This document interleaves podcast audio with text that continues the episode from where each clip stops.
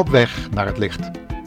Een vervolgprogramma over leven na de dood van de Stichting Adulam in Curaçao. We bevinden ons weer in een van de universiteitslokalen op de Universiteit van de Nederlandse Antillen. En luisteren weer opnieuw naar een lezing over leven na de dood. Is dat er eigenlijk wel? We hebben daarvoor het woord van God geopend en luisteren naar wat dat woord van God, geïnspireerd door heilige mannen Gods, door de Heilige Geest gedreven, heeft gesproken.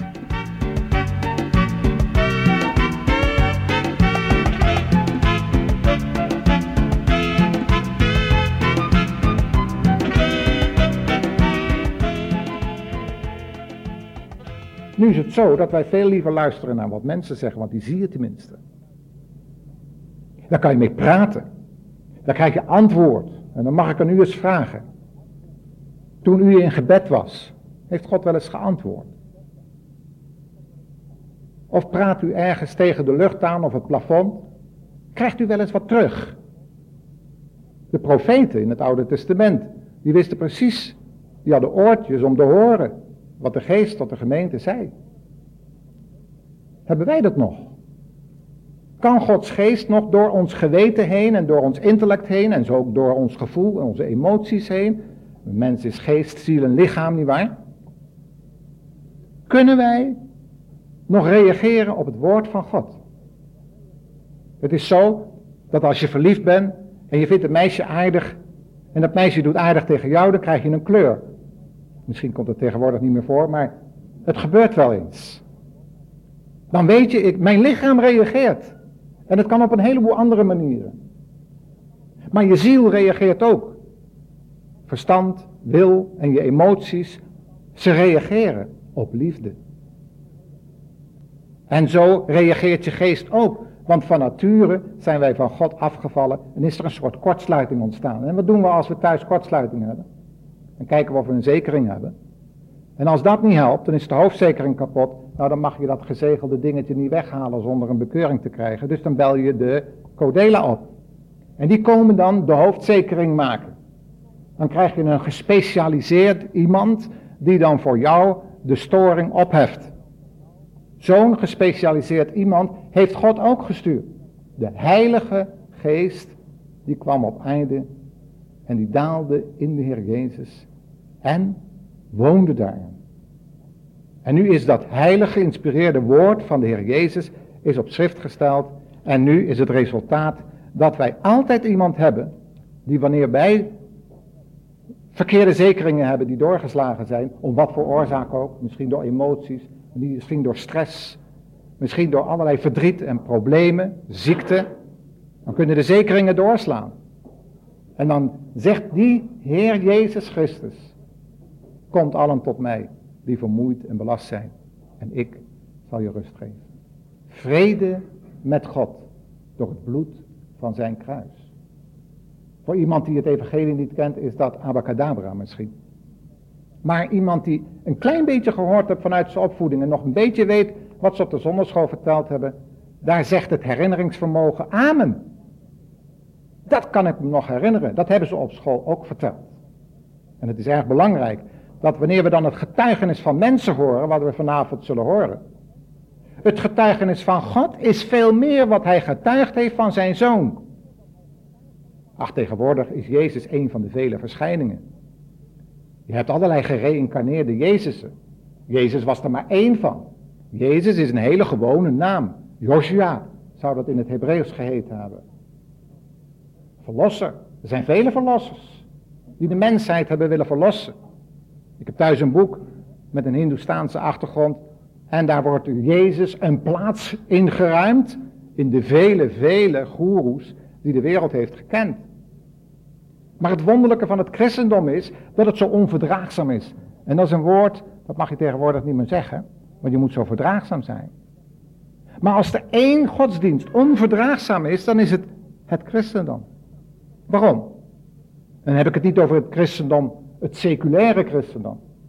Maar het christendom wat de Heer Jezus als de enige maatstaf, de enige weg, het enige leven, het geopenbaarde woord van God, het vlees geworden woord. Als je die erkent, als je die Jezus kent, dan is er geen enkele andere weg. Wat de mensen ook zullen getuigen. Zelfs niet als het met wonderen en tekenen gepaard gaat. Zelfs niet als er doden zouden kunnen worden opgewekt, zoals bij de Hindoes kan. Als je wonderen wil zien, dan gaan we tegenwoordig naar een charismatische werkgemeenschap en dan zien we allerlei wonderen. Maar eigenlijk betekent dat niks met wat we allemaal in het Hindoeïsme kunnen zien. Dan kunnen de mensen drie dagen dood zijn, hartstilstand en alles en nog wat, en ze staan weer uit de dood op. Alsof het de gewoonste zaak van de wereld is. Daar hebben ze al vele duizenden jaren ervaring mee. En God heeft al tegen Mozes gezegd, denk erom als zulke dingen gebeuren, raak er niet van onder de indruk. Als er genezingen plaatsvinden via allerlei uh, metafysica, of wat dan ook, wat we dus in die andere zaal kunnen horen. Maak er niet veel problemen over, want die dingen gebeuren. De wonderen zijn de wereld niet uit. En het punt is namelijk dat God gezegd heeft, ik laat dat toe, al deze wonderen, om te beproeven wat er in jullie hart is. Of je de wil van God wil doen of niet. Het wonder en het teken heeft niet het laatste woord. Maar het woord van God heeft het laatste woord. En deze tekenen zullen volgen. Staan we in Marcus 16. Volgen, dat betekent dat het begint niet eerst. Gelovigen hebben geen tekenen nodig. De tekenen zijn voor de ongelovigen, schreef Paulus aan de Corinthiërs, die zo helemaal weg waren van tekenen en wonderen. En het liefst zouden ze opwekkingen uit de dood zien, zoals ze dat van de Heer Jezus ook. Doe een teken van de hemel. Hij krijgt geen teken dan van Jona de profeet. Wat gebeurde er met Jona de profeet? Hij ging in de buik van de vis. Ah, dat wordt tegenwoordig niet meer geloofd. Maar er zijn vissen, gevangen, met zeelieden erin. Eentje dan. En die leefde nog. Ik heb die getuigenverklaringen thuis. Het kan. Je hebt inderdaad grote vissen, geen walvissen. Maar je hebt grote vissen die in staat zijn een mens levend op te slokken en een mens ook weer levend uit te spugen. Het is geen geen echt wonder in die zin dat het niet zou kunnen gebeuren. Maar het wonder is dat er in die vis geroepen werd, de Heer is God. Hij heeft recht op mijn leven. En toen Jona dat zei en zijn eigen wijzigheid aflegde en weer gehoorzamer was en zei het heil is des Heeren, toen stuurde God die vis naar de plek waar hij nou net niet heen wilde, waar Jona niet heen wilde. En hij spuugde hem vlak bij Nineveh uit. Kunt u voorstellen wat dat voor indruk moet gemaakt hebben? Een man helemaal overdekt met gal en slijm en viezigheid. Maagzuur, helemaal uitgebeten, een huid die helemaal uitgebeten was.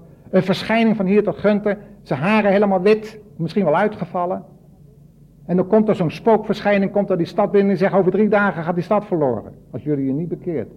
Reken erop dat die mensen gebeefd hebben bij zo'n verschijning. God heeft die vis en die ongehoorzaamheid van Jona gebruikt om te vertellen er is leven uit de dood. En Jezus heeft later dat beeld gebruikt om te vertellen dat hij uit de dood zou opstaan.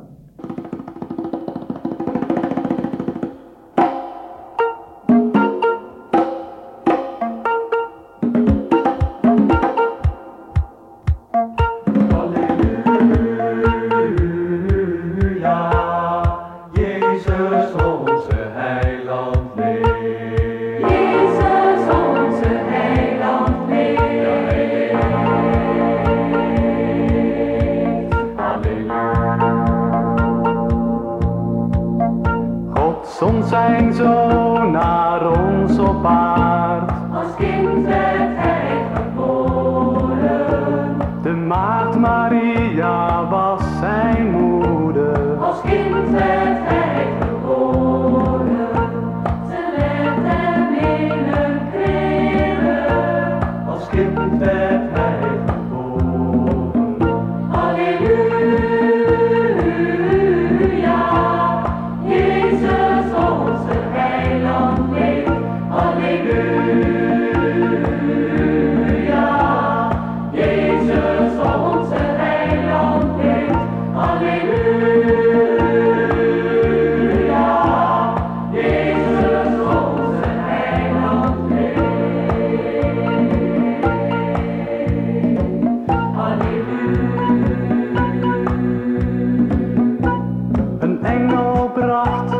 De